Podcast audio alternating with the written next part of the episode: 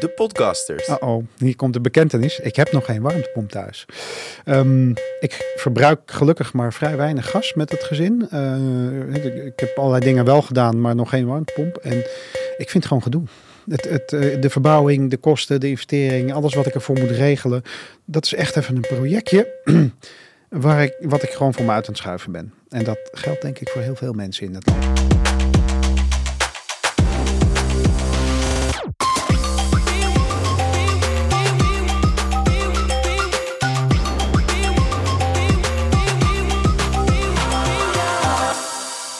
Leuk dat je luistert naar Expeditie Gasloos met Juri Pelser en Aljo Hartgers. Dat ben ik. In deze podcast vertellen we je alles over de warmtepomp en andere manieren om je huis te verwarmen zonder aardgas. Hoe zorg je voor de selectie van de juiste warmtepomp en waar moet je nog meer op letten en aan denken? Dit bespreken Juri en ik in de uh, zes compacte afleveringen. Alhoewel, compact, Juri, zou dat ja. compact worden? Als ik jou ik voel ken, me uitgedaagd zo. Als ik jou ken, worden dit hele lange afleveringen. Uh, maar heb je al vragen? Ga dan naar expeditiegasloos.nl. Daar vind je nog veel meer informatie over gasloos wonen en kun je ook een vraag stellen. En in deze reeks van zes helpen we jou van idee tot installatie van de warmtepomp. En in de toekomst komt daar nog veel meer bij, dus abonneer je sowieso op deze podcast in een van je favoriete podcast apps of op YouTube. Juri, ja, Aljo. Vertel eens. Want ik ken jou uh, uit een eerdere podcast die ik maakte met jou in de podcast over duurzaamheid. Ja. Um, en toen stond ik eigenlijk al versteld van hoeveel kennis je hebt over warmtepompen. Jij liet mij toen een Spirofloor zien. Ja, van Spirotech, een ontluchter, vuilaf. Precies, nou ja. geen idee. Ja. En toen bedachten we eigenlijk al van hier moeten we een hele reeks over maken. Want we waren na één aflevering van een minuut of veertig nog steeds niet uitgepraat. Um, en nu is na vier jaar ongeveer eindelijk... Uh, vier jaar geleden, drie jaar ja, geleden, ja, nee, denk het wel, vier jaar lang, geleden. lang geleden, ja. uh, was het echt tijd om een, uh, om een uitgebreide reeks over, eigenlijk nu over de warmtepomp te, te gaan maken. Maar er zijn natuurlijk veel meer manieren om je huis uh, gasloos te verwarmen. Maar in deze reeks richten we ons even echt op, op, de, op de full electric warmtepomp. Ja, ja, en alles wat erbij komt kijken. En dan, dan pak je toch het hele, het spectrum. Hele, dan gaat het ook over isoleren en dan gaat het ook over zonnepanelen. En dan weet je, ja. Ja, het komt er allemaal bij. Dat hoort erbij, maar we hebben het ja. niet over infraroodverwarming of over een hybride ketel, uh, hybride systeem. Ik moet altijd, heel, ik moet altijd iets zeggen een over... hybride warmtepomp bestaat niet al. Dat was, dat was wat jij gisteren nog... electric warmtepomp in een hybride opstelling met een cv-ketel bijvoorbeeld. Ja, maar dat ja. bekt niet zo heel lekker. Nee. Dus, laat, dan dus is gewoon een hybride, hybride warmtepomp. Ja. Maar daar gaan we het dus niet over hebben. Nee. We belichten het wel even kort waarom dat dan uh, bestaat en hoe dat ongeveer een beetje werkt. Mijn eerste vraag eigenlijk aan jou was, um, en die stel ik eigenlijk in mijn andere podcast helemaal aan het eind, maar ik begin nu. Uh, wat doe jij eigenlijk op het gebied van duurzaamheid en wat betekent dat voor jou? Jeetje. Compact zouden we hem houden, hè? Ja. Oké, okay, ja, wat doe ik op het gebied van duurzaamheid? Nou, ik, ik ben opgeleid in de installatietechniek. Installaties, daar gaat energie in. Ik werkte bij een woonstichting, een grote in Amsterdam. Um, en daar kwam het thema duurzaamheid natuurlijk via de energievraagstukken ja, binnenrollen. Dus van installatietechnicus werd ik duurzaamheidsspecialist. Um, zo ben ik eigenlijk in dat thema gerold. Uh, grote vraagstukken. Hoe krijg je een hele wijk bijvoorbeeld gasloos uh, mm -hmm. uh, ja, eh, bouwen en, en ontwikkelen? Nou, daar had ik goede antwoorden op. Alleen eh, de risico's werden als te groot gezien. Dus toch begonnen met gasketeltjes in die wijk. Um, ja, en daaruit vandaan ben ik doorgegroeid eigenlijk in dat thema. Ben ik gestart met een nieuw bedrijf. Kwam op mijn pad. Mm -hmm. uh, particuliere woningen verduurzamen, maar dan integraal. Hè? Niet alleen maar zonnepanelen of alleen maar isoleren. Um, ja, en daar ben ik inmiddels alweer weg. En nu begeef ik me helemaal op het thema uh, hergebruik, circulariteit. Dus grondstoffen uh, niet verspillen, weet je, dat soort dingen. Dus ja, nu ben ik bezig met cv-ketels hergebruiken in plaats van nieuwe plaatsen of zonnepanelen een tweede leven geven. Uh, dat soort thema's. Um, ja, ik, ik, ja, alles waardoor we dingen beter gaan doen dan dat we ze nu doen, daar word ik blij van. Ja, en dan ja. schuilt er nog steeds wel een warmtepompspecialist in jou. Ja, ja, dat is zo'n integraal onderdeel van die energetische verduurzamingsstappen, hè, van de energietransitie zoals ze dat noemen. Dat, hè, de warmtenetwerken, warmtepompen en dan, hè, dan daaromheen heb je nog allerlei andere alternatieven zoals infraroodverwarming, noem het maar op. Ja. Maar warmtepomp pakt wel een grote plek in deze transitie. En laten we meteen maar beginnen met, het, uh, met de moeilijkste vraag. Wat voor warmtepomp heb jij dan thuis? Ach, oh, oh. oh, oh. hier komt de bekentenis. Ik heb nog geen warmtepomp thuis. Um, ik verbruik gelukkig maar vrij weinig gas met het gezin. Uh, ik, ik, heb allerlei dingen wel gedaan, maar nog geen warmtepomp. En ik vind het gewoon gedoe. Het, het, de verbouwing, de kosten, de investering, alles wat ik ervoor moet regelen.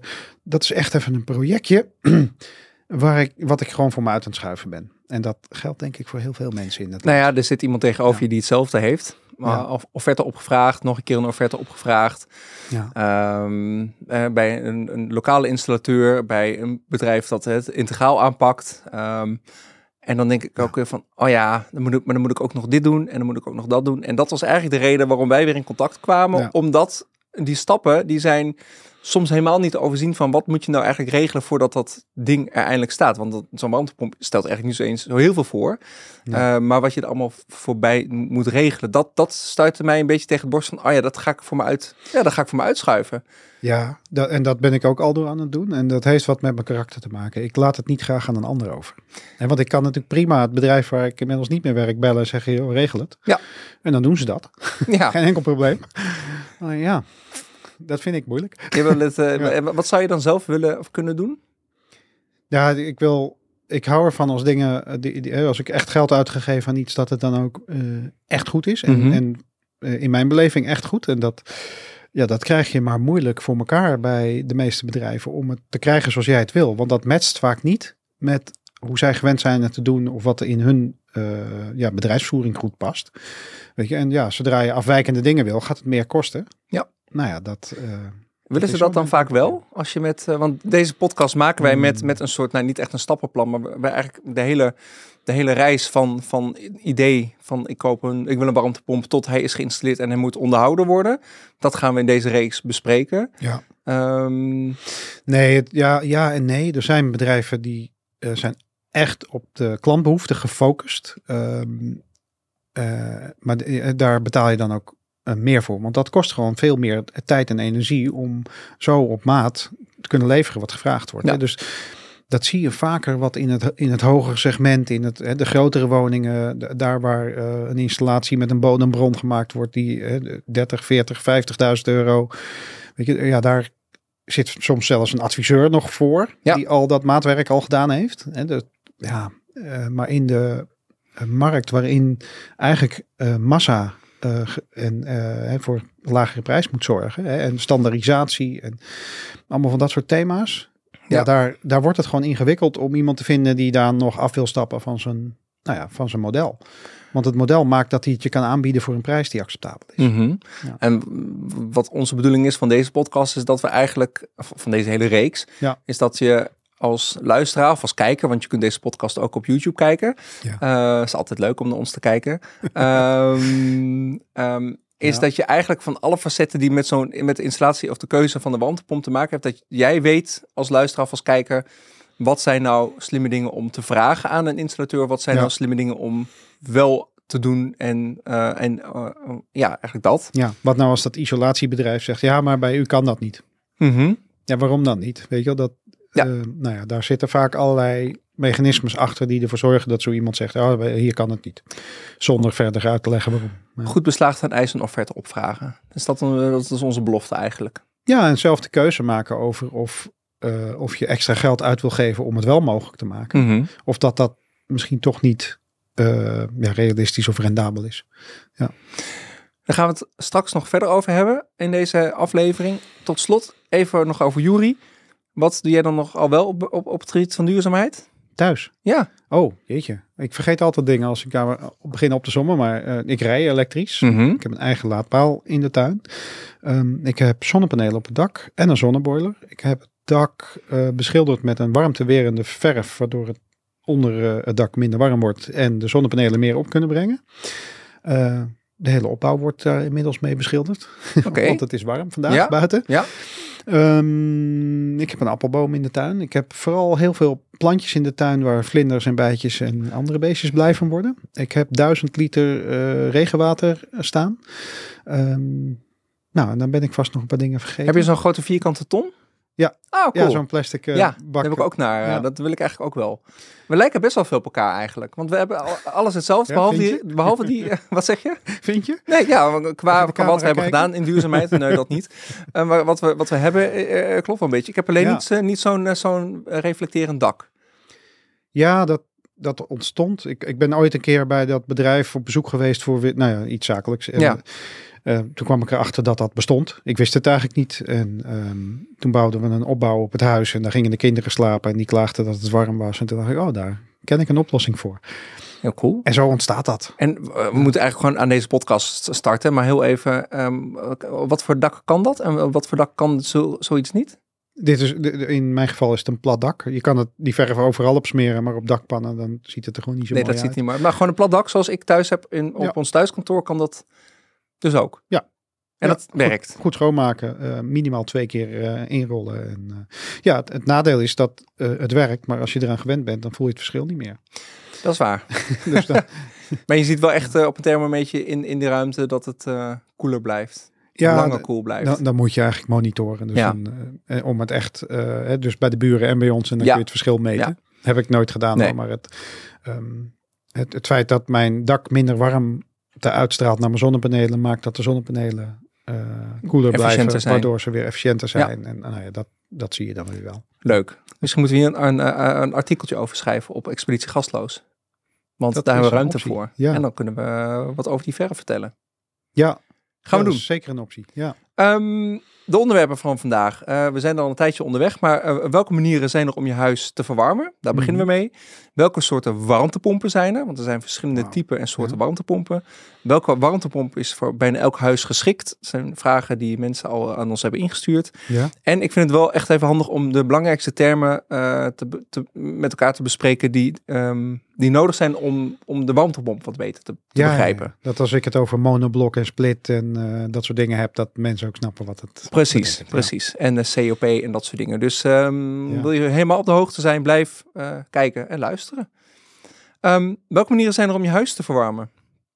Ik, en ik heb thuis gewoon nog de traditionele cv-ketel op gas. Zoals Ja. denk ik de meeste mensen nog in Nederland hebben. En een houtkachel, heb ik begrepen. En een, een houtkachel, maar dat durf ik eigenlijk niet meer te zeggen. Oh, mag te dat vertellen? niet? Nee, eh, heel eerlijk. ehm, zes, zeven jaar geleden in ons huis komen wonen. Daar zat een gat in van een open haard. Die hebben we eruit gesloopt. Toen dacht ik, oh, zo'n houtkacheltje. Dat zag ik bij... eh daar heb ik goede herinneringen aan. Bij mijn oom en tante Ja. vroeger. En eh, echt, echt lang geleden. Toen was Ja. ik negen of tien of zo. En toen dacht ik, ja, dat wil ik ook in huis. Want wat is nou leuker om een vuurtje te stoken in je eigen huis? Ja, ons prehistorisch brein eh, zit er rond het kampvuur. Ja, precies. Dus Het- het gaat er ehm, niet zomaar van afstappen. we hebben wel een hele efficiënte, moet ik eerlijk zeggen. We hebben geen groot huis. Dus ik kan met een paar blokjes hout heb ik de hele avond het hele huis verwarmd. Dus ehm, oké. Nee, maar dit is, dit is waar het over gaat. Het, ehm, als je het Nederland uitrijdt, dan is verwarmen op gas en eh, stoken op hout heel gewoon. Ja. En ook wordt het ook nog eens duurzaam genoemd. Hè? Maar daar heb je A, veel ruimte en veel meer hout beschikbaar. Ja. Over het algemeen dan in Nederland. Ehm, dus dat is voor mensen veel makkelijker om dat zelf te verzorgen. En gas is ten opzichte van bijvoorbeeld olie eh, of hout zelfs een heel duurzaam alternatief. Alleen in Nederland eh, hebben we nog andere uitdagingen op het punt van aardgas. Dus vinden we dat we daar wel vanaf willen. Ja. Nou, hè, dus hoe verwarm je je huis? Ja, dat kan met, met hout, dat kan met een oude gashaard. Hè, die, vroeger bij oma, Ja. de gashaard. Nou, Ja. die ging alleen maar aan als je in de ruimte was. Dus dat was eigenlijk heel zuinig. Heel efficiënt. Heel je efficiënt, verwarmde ja. alleen maar de ruimte waar je zat. Ja, en dan, eh, heel veel van dat soort woningen heb ik in mijn woonstichtingentijd voorzien van cv-ketels. En die mensen gingen fors meer verbruiken over het algemeen. Want ze hadden veel meer comfort beschikbaar. Eh, ja, Ja. Waardoor het gasverbruik gewoon omhoog ging. Ja.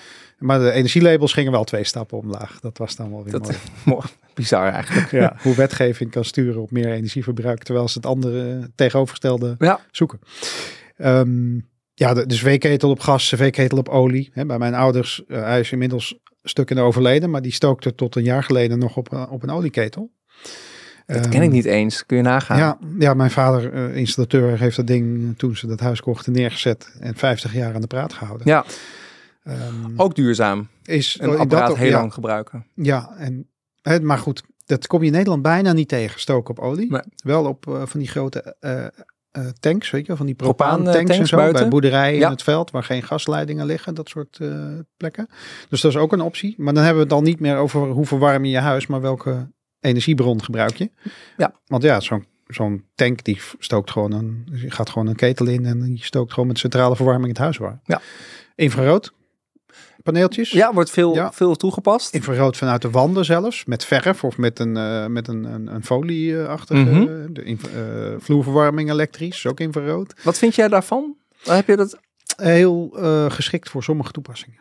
Ja, Mhm. dus ehm infraroodverwarming wordt zuinig als je het heel weinig gebruikt.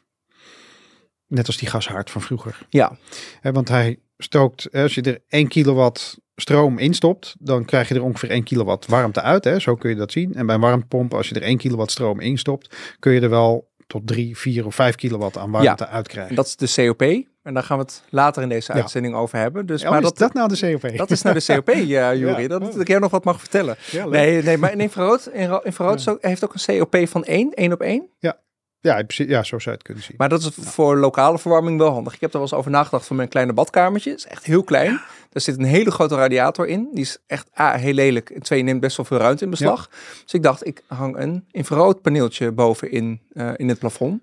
Nou ben jij vrij lang, dus als je hoofd dicht bij dat paneeltje zit, dan vind je dat vast niet fijn. Want Eh, nee, het is niet een heel laag plafond. Maar misschien is mijn haar er wel meteen droog als ik uit de douche stap. ja, wie weet, ja. Dat is dan wel Nee, handig. ja, infrarood. ehm, eh, eh, over het algemeen hebben die, hebben die panelen eh, een opwarmtijd van een minuutje of eh, drie, vier, vijf. Eh, dus als je binnenloopt, je zet hem aan, je komt uit de douche vandaan, is hij heerlijk warm. En dat is stralingswarmte. Hè. Dat, Ja. dat kun je heel goed vergelijken met de zon. Hè. Dus achter het windscherm op de skipiste, nou dan kan je pak wel uit. Ja. Nou, dat soort warmte geeft hij af. Dus dat is op zich, vinden wij als mens dat heel fijn. Want alles wat uit de natuur eh, nagebootst wordt, eh, Houtkachel, infraroodverwarming, allemaal hetzelfde. ja, vinden we eigenlijk fijn. Maar Ja. het is eigenlijk niet te plannen. Want als ik, ik douche heel echt extreem kort altijd. Ja. Ehm, echt, ik heb wel eens getimed drie minuten ben ik klaar. Ehm, heb je een heel vast ritme? Want eh, maar, ik heb een geen timer. vast ritme. Nee, dus ja. ik kan hem ook niet timen. Dus ik kan niet zeggen van ik sta elke ochtend precies op die tijd op. Ik zet de timer aan van de infraroodverwarming. En die is dan warm als ik ga douchen. En die gaat uit als ik klaar ben. Dat, dat wisselt echt elke dag zo ongeveer. Dus ja, dat, eh, eh, hij wordt vaak verkocht als oh, dat is een hele snelle verwarming. Eh, en dat is het ook. Alleen het heeft wel een paar minuten opwarmtijd nodig. Want de meeste infraroodpanelen die hebben ook nog een, eh, ehm, ja, hoe moet ik dat zeggen, een keramische achterkant. Hè? Dus Mhm. een, een, eh, steenachtige achterkant, massa, zwa- eh, gewicht. Waardoor als dat warm is, dat dat ook warm blijft en warmte blijft uitstralen. Ja. Dat heb je nodig voor die, voor die straling. En ja, dat moet even opwarmen. En dat is net als met vloerverwarming. Die betonnen vloer wordt niet binnen twee minuten warm. Nee. Dat heeft gewoon tijd nodig. Nou, dat, hè, bij een vloerverwarming kan dat uren duren. En bij een infraroodpaneel is dat in minuten. Ja. Nou, dat is wel vaak veel sneller dan dat een cv-ketel het water door je hele systeem heen pompt. eh, om daarmee je radiator warm te maken. ja, dat is waar.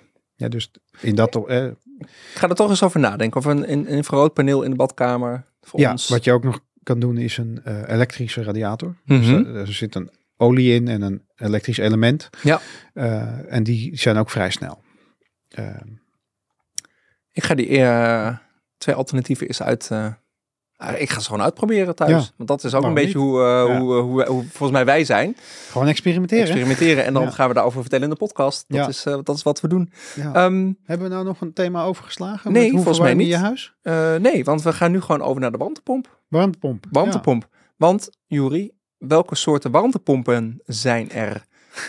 en Ja, ehm, je had al een hele mooie, de hybride warmtepomp bestaat niet, maar we hebben eigenlijk gewoon de full Ja. electric warmtepomp. Ja. dat is eigenlijk gewoon een war- hè, Laten we het even simpel maken. Iedereen heeft in huis een warmtepomp. En dat is je koelkast. Dat is een warmtepomp. Die Mhm. haalt warmte uit je pak melk en die gooit die aan de achterkant van die koelkast weer eruit in je woonkamer.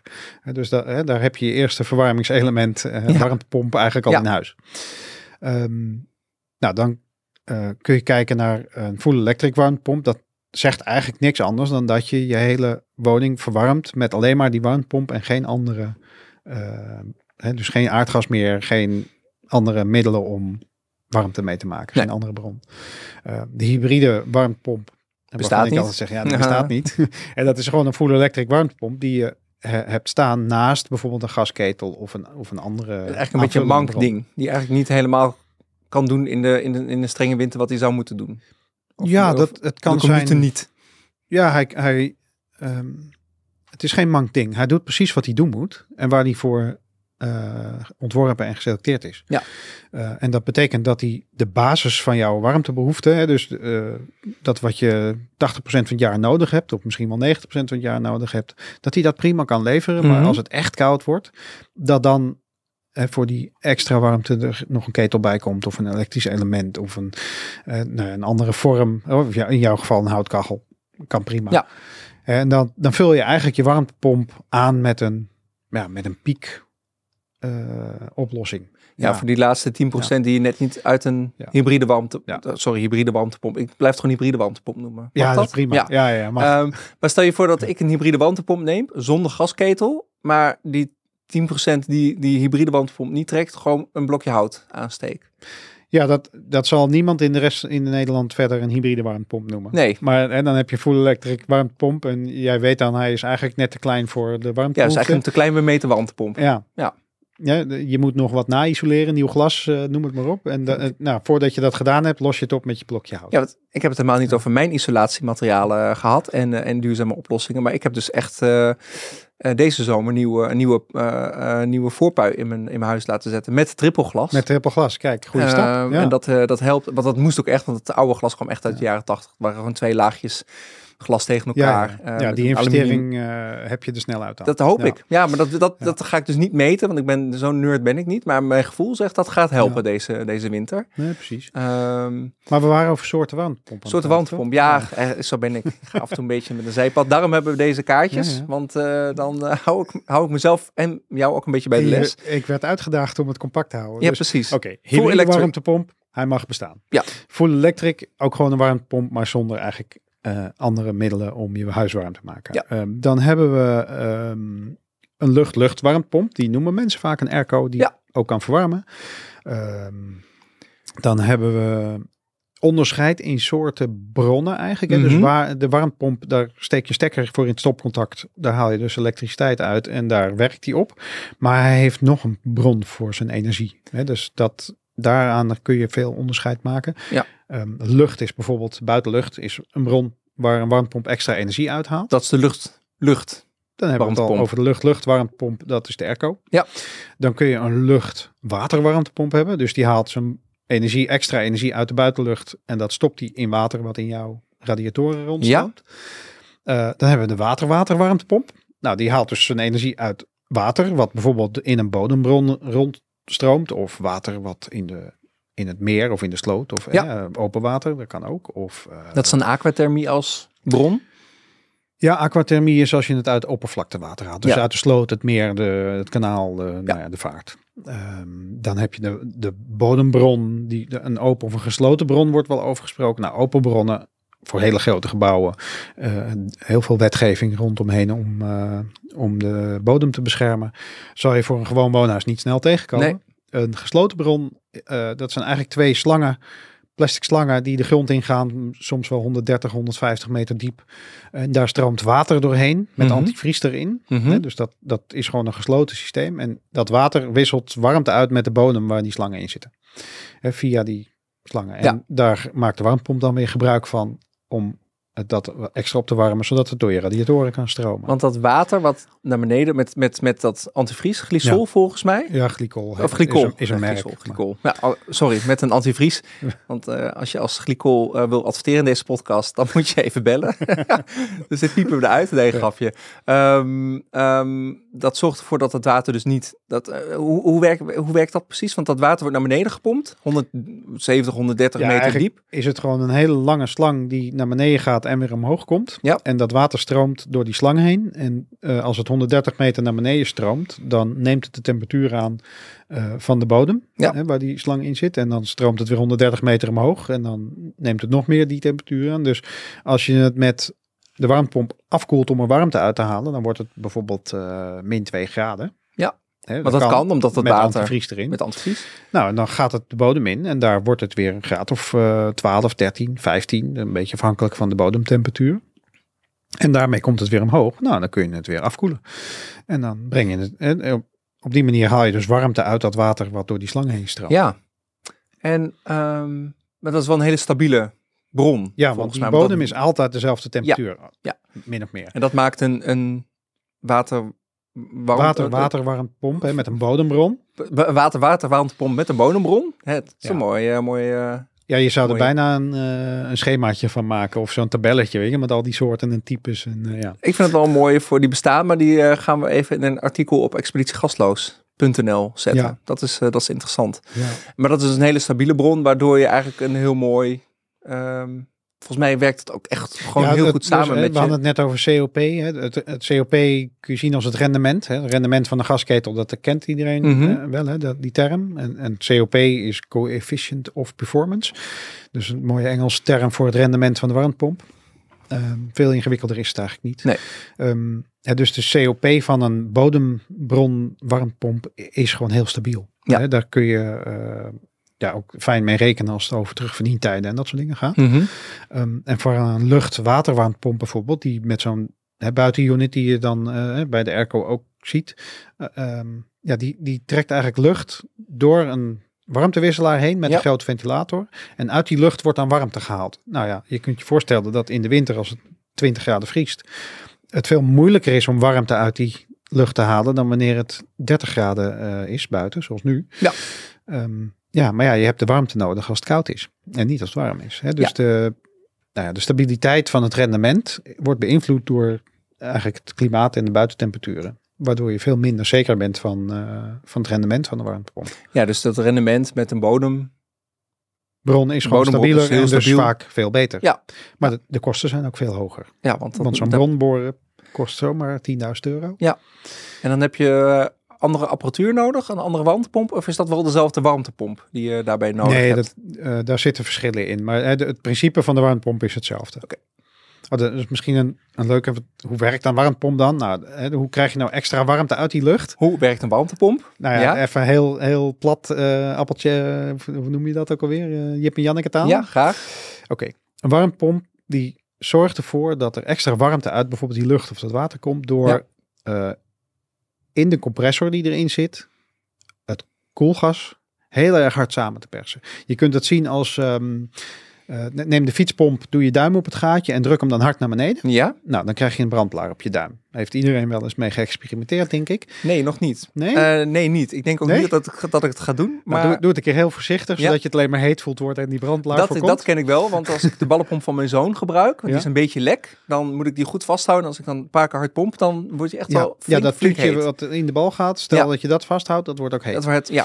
Nou, eh, da- dat is eigenlijk wat die compressor in jouw warmtepomp doet. Ehm, en daarmee creëert hij dus heel veel hitte. En ehm, die hitte die laat hij aan de andere kant van het proces weer los. En dat wisselt hij dan weer uit met je cv-water bijvoorbeeld. Mhm. En dat is eigenlijk het hele principe van een warmtepomp. En om die hitte te kunnen creëren, heeft hij ook ehm, eh, de buitenlucht nodig Ja. eh, om warmte aan te kunnen onttrekken. En dus daar, misschien moet ik een kleine stap erbij doen. Het principe gaat over verdampen en eh, condenseren. Mhm. Condenseren is dat een damp weer vloeistof wordt. Ja. Hè, wat je lucht ziet doen op het raam wat koud is. Ja. Eh, en verdampen is eh, dat vocht een gasvorm krijgt. Hè? Dus als je je blikje cola nat maakt en je houdt hem uit het raam terwijl je op vakantie bent, dan verdampt dat water van dat blikje af. En wat gebeurt er dan met het blikje? Die wordt kouder. Omdat als je water hè, of vloeistof verdampt, Ja. dan onttrekt het warmte aan zo'n Ja, omgeving. natuurlijk. Maar je zag, je zag mijn hoofd zo'n exploderend Ja. emoticonnetje worden. Ja, hè? ja. Van, oh ja. Nou, hè, dus tijdens dat verdampen onttrekt dat water warmte uit het blikje. Nou, dat is in de warmtepomp net zo aan de hand. Dus als het, het medium, het, het koelgas, het F-gas, Ja. dat zijn allemaal van die termen daarvoor. Als dat verdampt, onttrekt het warmte aan bijvoorbeeld de lucht, hè, de buitenlucht, of aan de, het water uit de bodembron. En die warmte onttrekt het eraan. En dan gaat dat gas naar de compressor toe. Dan wordt het heel hard samengeperst. Dan wordt het nog veel heter. Mhm. En dan gaat het naar eh, de plek waar het de warmte weer moet loslaten. Nou, en dat ontstaat op het moment dat je die eh, hele hete gassen weer laat condenseren. Dus dat het weer vloeistof wordt. Ja. Dan moet hij al die warmte loslaten. Nou, en dat laat hij dan los aan het water wat door jouw cv-systeem Precies. eh, stroomt. En zo kun je van min 20 graden buiten, luchttemperatuur, Mhm.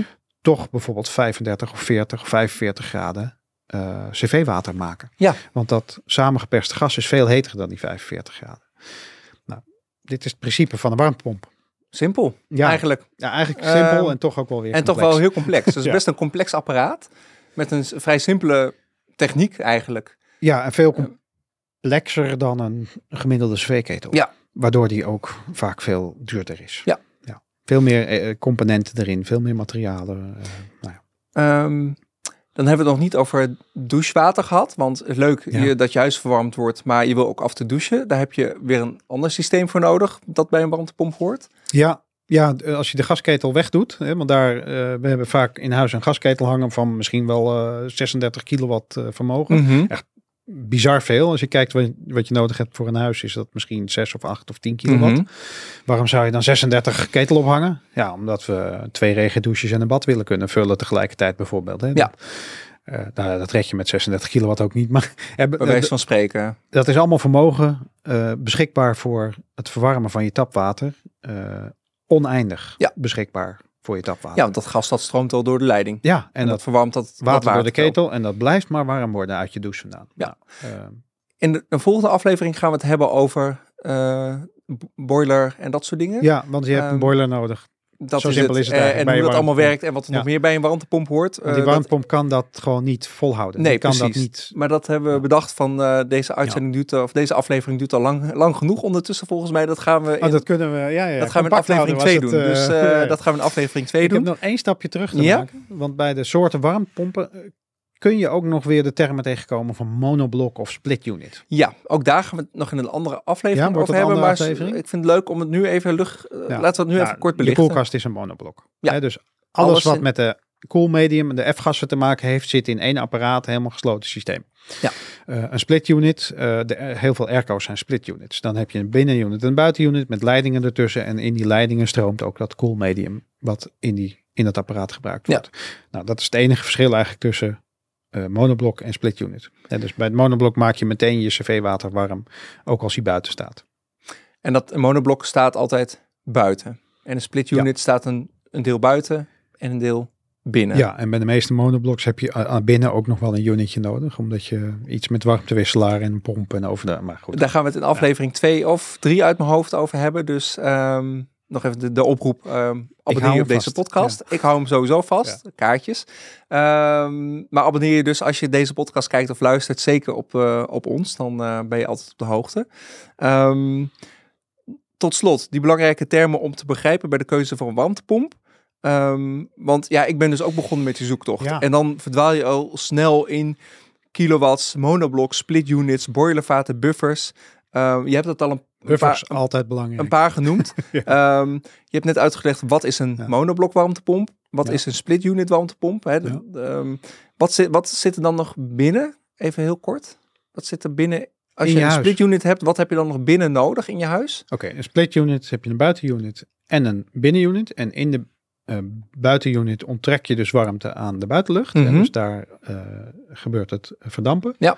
En in de binnenunit gebeurt het condenseren. En bij monoblok gebeurt dat allemaal in de buitenunit. Ja. Is een monoblok ook groter buiten? Is dat een Ehm, grotere kast? Nou, dat niet per se. Dat, eh, als je het vergelijkt op, op hetzelfde vermogen. ehm, er zit iets meer apparatuur in de Mhm. buitenunit. Maar vaak wordt, dat, wordt die gewoon wat compact. eh, er zit minder eh, lucht, eh, ruimte in de buitenunit. Ja. Dus Waarom zou je dan kiezen voor een split unit? ehm, ja, daar zitten voor- en nadelen aan.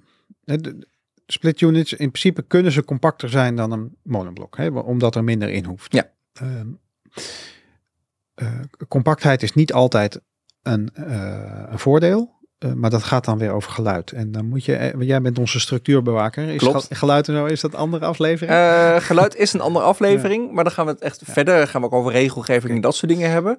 Nee, Maar- split unit die. Je, je moet je voorstellen, je maakt het water wat door je radiatoren gaat stromen bij een monoblok buiten al warm. Ja. Dus stel je zet je warmtepomp 25 meter achter je huis naast de schuur.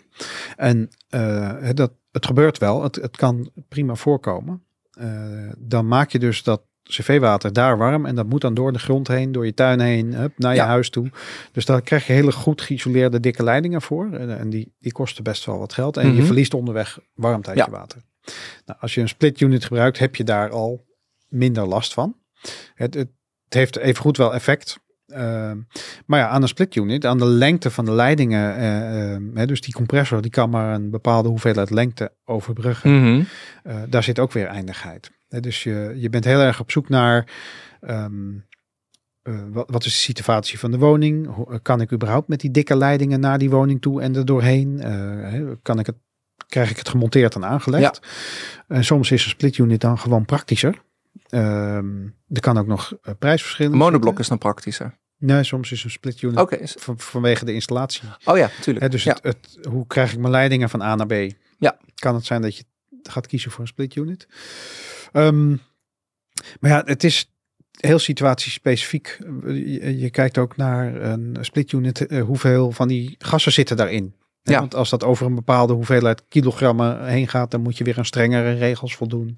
Eh, de monteur die hem installeert moet bepaalde diploma's hebben. Dat hoeft bij Monoblok niet. Hè. Dus zo, als een installateur die diploma's niet heeft, dan zal hij altijd kiezen voor Monoblok aanbieden. Want hij mag die split Oh, unit gewoon niet En monteren. dan is het gewoon neerzetten, Ja.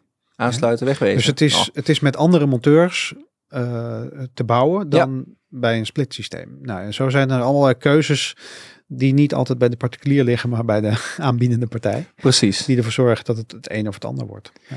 Ehm, jij kent mijn huis niet, maar wat zou ik moeten doen? Ik heb een klein huis.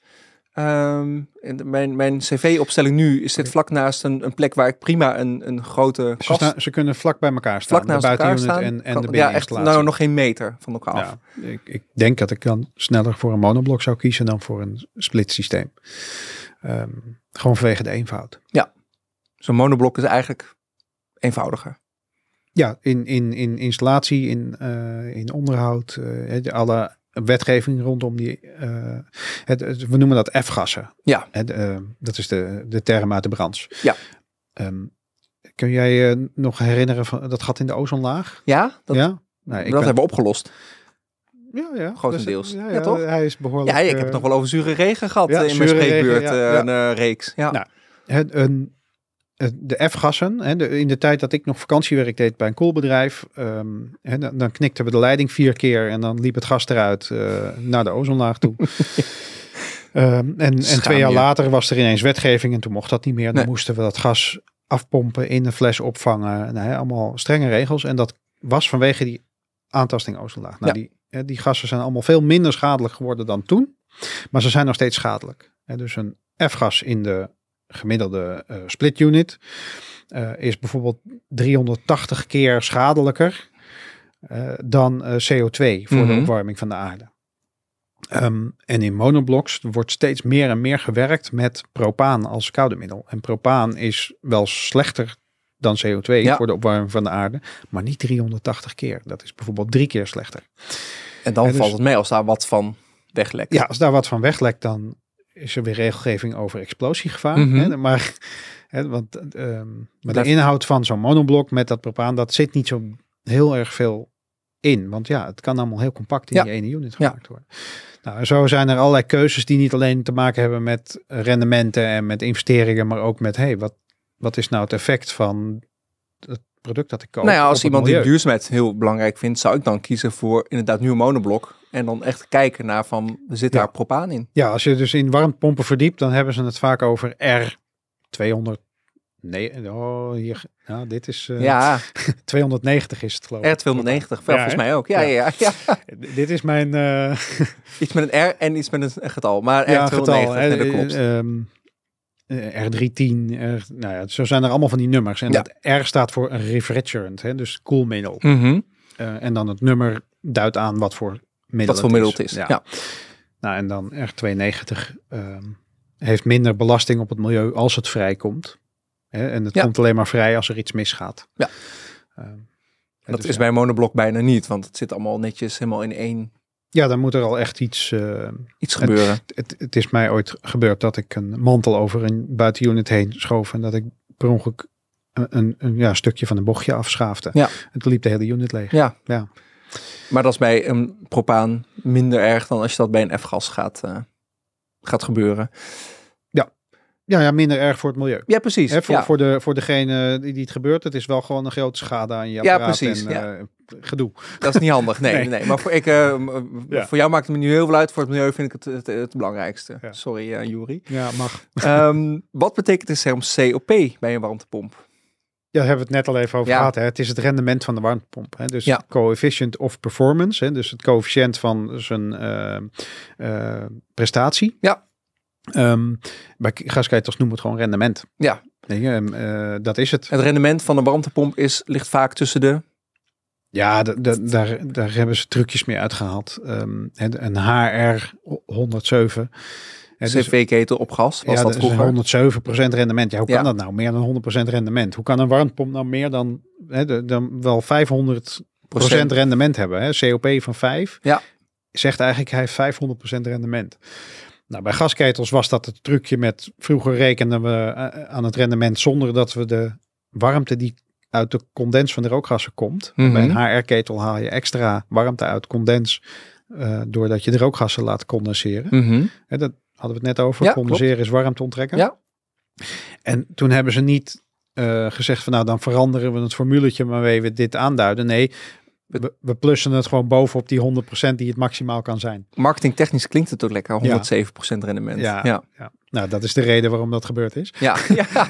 En maar eigenlijk een, een, echt een goede een gasketel, een HR gasketel van tegenwoordig, die, die, die komt zo aan zo'n 98, soms wel 98,5% rendement als die optimaal functioneert. Ja, dus in, in de testomstandigheden bij eh, bijvoorbeeld TNO of zo, Ja. daar, daar haalt hij dat. Ja. Eh, en dan hang je hem thuis op en dan eh, is de installatie die erachter zit niet helemaal optimaal en dan redt hij het niet. Eh, of je hebt je, je cv-aanvoertemperatuur veel te hoog staan, waardoor die het helemaal nooit redt. ja, ja. Kan zomaar. Ja. maar goed, dat eh, heb je bij de warmtepomp dus ook. En daar drukken ze het uit in de term COP. En, ehm 1 kilowatt stroom uit het stopcontact. 3, 4, 5 kilowatt warmte uit de buitenlucht of de bodembron. Dat bij elkaar opgeteld. eh, eh, dan krijg je dus dat je met één deel stroom Stroom, ja. Eh, vijf delen warmte maakt. En bij één deel gas maak je iets minder dan één deel warmte. Ja. In de cv-ketel. En bij infrarood één deel stroom, één deel warmte. Elektrisch kacheltje, hetzelfde. Eén, ja, één deel kilowatt stroom, erin. één deel warmte uit het elektrisch kacheltje. Helder. Ja. COP. En, En, dan, rendement. Ja. en rendement. En tot slot, eh, want we gaan het in de volgende aflevering over boilers en buffervaten vaten hebben. Wat is dan de term kilowatt bij een warmtepomp? Ja, eh, kilowatt. eh, hoeveel kilowatt vermogen heeft hij? Ja, Dus ja, precies. Ja, wat vermogen. Net als bij auto's, hè? pk's, vermogens Ja. van een auto. Ja. hè. Dus hoeveel ehm, kracht heeft hij eigenlijk om warmte te maken voor jouw huis? Eh, en dus een eh 4 kilowatt warmtepomp, hè, eh, daar komt veel minder warmte uit dan een 8 kilowatt warmtepomp. Ja. En dan eh, afhankelijk van hoe het systeem in elkaar zit, kan hij dat ook nog in een bepaalde snelheid afgeven. Hè, dus daar, kilowatt zegt iets over hoeveel kracht zit er eigenlijk in zo'n warmtepomp. Hoe, hoe groot is hij? Dat wordt vaak, hè, hoe groot is de warmtepomp? Ja, 8 kilowatt. Ja. Hè, dat is, eh, En dat is heel erg afhankelijk van de eh, situatie in je eigen huis. Ja. Dus, eh, en het A, het afgiftesysteem, radiatoren, vloerverwarming. ja, die, ook hoe die, groot- die bepalen heel erg of hij die kracht ook kwijt kan. Ja, Hè, dus of hij, of hij zijn werk ook efficiënt kan doen. en dat moet je ook meenemen in de keuze van de warmtepomp. Ja, als je de uitlaat van een auto helemaal dicht propt, dan kan hij nog zoveel kilowatts hebben als je wil, maar hij kan die kracht niet lekker kwijt, omdat hij ja, eigenlijk zijn uitlaatgassen niet kwijt kan. Ja, dan gaat hij gewoon niet presteren. Nee, Nou, een, een slecht eh, eh, systeem in je huis, hè, radiatoren, leidingen die allemaal niet lekker eh, ingeregeld zijn, die zorgen ervoor dat die warmtepomp zijn kracht niet kwijt kan. en dat is heel erg afhankelijk van, ehm, van weer je COP. Nou, de- je COP wordt daar heel erg door beïnvloed. Ja, precies. Ja. ja. Dus ja. het, het is niet, niet afhankelijk. Dus echt een samenspel, warmtepomp is echt een samenspel van de keuze van... ehm, Welk apparaat, het, het systeem wat erachter zit, de keuzes die je maakt in, in de investering. Ik zeg altijd, eh, optimaliseren is investeren. Eh, we hebben het net heel kort over een buffervat gehad. mhm. Nou, als je een systeem hebt wat niet zo optimaal is en wat je ook niet makkelijk optimaal kunt maken, hè, dus je kunt het niet gewoon nieuw bouwen, Mhm. ehm, dan is een buffervat een oplossing om ervoor te zorgen dat die warmtepomp zijn kracht kwijt kan Ja, Terwijl- in dat buffervat. in dat buffervat. Het systeem wat erachter zit, die warmte dan, nou ja, met alle mogelijkheden die hij heeft, op kan nemen uit het buffervat. Want anders gaat die warmtepomp steeds maar aan en uit staan schakelen. En dat is voor twee dingen heel slecht. Eén, de COP, Ja. dus het rendement. En twee, zijn levensduur. Dat, dat is een dingetje daar. eh, Dus het levensduur van de warmtepomp, daar wordt vaak naar gevraagd. Mhm. Die hangt van twee dingen af. Hoe vaak staat hij aan? Hoeveel uren draait hij? Ja. Net als je auto. Hoeveel Ja. kilometers maak je? Eh, en hoe vaak gaat hij aan en uit? Dus hoeveel starts en stops? O- Eh, ook bij een auto, toch? Ja, bij Ja. een auto had je, had je Tenminste, de, de, de startmotor. Ja, Nou, die, moest die, ik even denken. die ja. gingen vroeger stuk, hè? Want dan was de appendix, heette dat, nou, de appendix, eh, dat ding wat in, eh, aansloeg om de Eh, motor van auto's, aan- maar ja, jij wel. Ja, ja. Hey, dat nou ja, maakt ook niet uit. Dat liep vast en dan was je startmotor stuk. Ja. Weet je dat? ja, en dat is bij een warmtepomp En hetzelfde. toen kwamen de aan-uit auto's, hè, die bij het stoplicht uitgaan en dan weer aan als Ja. je weer gas geeft. Nou, toen hebben ze echt in die stadmotors eh, grote stappen vooruit gedaan om die kwaliteit te verbeteren. Want ja, dat, Dat was nodig. anders waren ze elk half jaar kapot. Hè, dus de industrie kan het wel. ja, precies. ja. En, ehm, ja, maar dus- goed, voor warmtepompen geldt dus draaiuren, het aantal starts en stops. Ja. Als je dus een grote warmtepomp kiest die zijn kracht niet kwijt kan, dan gaat hij staan pendelen. Gaat Ja. hij vaak aan en uit. is heel slecht voor het rendement, heel slecht voor zijn levensduur. Kan Ja. de levensduur wel verhalveren. Weet je. Ja, ze worden ook beveiligd vaak op aantal starts en stops, wat ze maximaal in een uur mogen maken. Ja. Meestal zijn dat er een stuk of zes. Mhm. Maar als je die zes maakt, elk uur, dan heb je de, de levensduur al gehalveerd. Jeetje. Dus, Dus je wil echt... dat hij misschien zes keer per dag aangaat. Ja, en dat heeft dan ook weer te maken met hoe goed is je woning geïsoleerd bij een warmtepomp. Want- Eh, dat hoeft niet. Hè? Als, je, als je woning heel slecht geïsoleerd is en je, je hebt een go- goed verwarmingssysteem en je kiest een hele grote warmtepomp, dan kun je prima met een prima rendement dat die woning met heel veel energieverbruik warm houden. Oké, En want een grote warmtepomp ja, dat is waar. kan een grote lekke woning gewoon Ja. goed warm houden. Ja. Dat is het probleem niet. Alleen met de zonde. Ja. Het enige nadeel wat je kan ervaren is dat je zoveel warmte verliest uit die woning. Hè? Dus dat jouw lichaam warmte afstaat aan zijn omgeving. De koude Mhm. muren, koude ramen, dat soort dingen. Dat je met de lage temperatuur die een warmtepomp levert, die stralingseffecten niet kunt compenseren. Dus dat je het toch als koud gaat blijven Ja. ervaren. Waardoor je de thermostaat weer op gaat schroeven. Hè, waardoor je dat huis misschien wel een luchttemperatuur van eh 5, 26 graden moet geven om een beetje comfortabel aan te voelen. En dat is waarom je wil isoleren. Precies. en daar gaan we het in een aflevering Andere aflevering. over Ja. hebben. Ehm, volgens mij hebben we lang genoeg eh, gepraat over Ja. de introductie überhaupt van, een, van de warmtepomp. Misschien wel te lang. Ehm, maar dat denk ik niet, want het is hartstikke leuk om met jou eh erover te hebben. Mij we hebben het in ieder geval lang genoeg duren. Ja, nee, precies. En we hebben in ieder geval een goede basis gelegd ehm, om in ieder geval alvast te kijken naar wat voor soort warmtepomp past bij, bij de woning van de luisteraar. En daar gaan we het in de volgende afleveringen nog veel meer over hebben. Je vroeg mij welke warmtepomp is voor elke woning geschikt. Heb ik je nooit antwoord op gegeven. Nee, De lucht-luchtwarmtepomp is voor elke woning geschikt. Kan altijd. de airco, Airco. want die kan ook verwarmen. Maar is niet voor elke persoon geschikt. Nee, want het is een hele andere warmte. Gaan we het daar nog een andere Ja, en, aflevering eh, dat over apparaat zijn we niet aan gewend in Nederland. En hij veroorzaakt luchtstroming. En dat noemen we dan weer tocht. En? Dat is nou het ja, toch? Ja, En dat maakt geluid. Ja, En, nou, allemaal, droge eh, lucht wordt het. Zeggen mensen. Mm, Tenminste, Ja, als je hem koeler zet. Want als je koelt, onttrekt het vocht uit de lucht die er doorheen stroomt. Daarom moet er ook een condensaanvoertje aan als je ermee gaat koelen. Allemaal van dat soort vraagstukken. kijk. Maar daar gaan we het eigenlijk niet over hebben, maar het is wel interessant. Ehm, Nou ja, als je moet besluiten, wil ik dit wel of niet. En je krijgt ineens een lelijk leidingje over die mooie eh, behangen muur. Omdat dat condens nou eenmaal afgevoerd moet kunnen worden. ja dan, dat wil je niet. nee, Tenminste, nee, dat ik wil niet. je gewoon achter de unit meteen door naar buiten toe Ja. bijvoorbeeld. Ja. En dat kan niet overal. Nee. Interessant. Dus Ja. genoeg nog om over te hebben in de volgende aflevering, Juri. Ehm, heb je vragen over een van deze onderwerpen die we vandaag hebben behandeld? Stel hem eh, in Spotify bij de reactiemogelijkheid of gewoon op YouTube in de commentaren. Ehm, maar je vindt Expeditie Gasloos in elke podcast-app, Google Podcast, Apple Podcast, whatever je leuk vindt om in te luisteren. Ehm, we vertellen nog veel meer over gasloos wonen op expeditiegasloos.nl. Eh, dus abonneer je zeker op deze podcast en onze nieuwsbrief op expeditiegasloos.nl. En in de volgende aflevering bespreek ik met Jury wat er nog meer bij de aanschaf van de warmtepomp komt kijken. Want vaak betekent dat ook overstappen op elektrisch koken en daarmee vaak ook je groepenkast aanpassen of overstappen naar een driefase aansluiting. Ja, ja, groepenkasten aanpassen. Elektrisch koken hoeft natuurlijk niet. Maar ja, dan ja, dan gasaansluiting, voor een paar- kost ook geld. Precies. Ehm, en daarmee bespaar je dan weer. Ehm, gaan we dat in de volgende aflevering doen, Jury? Eh, top. Lijkt me Fijn leuk. dat je er was. Ehm, we zien elkaar eh, de volgende keer bij de volgende aflevering. Ja, ik heb er nu alweer zin in. Ik ook, absoluut. Tot de volgende keer.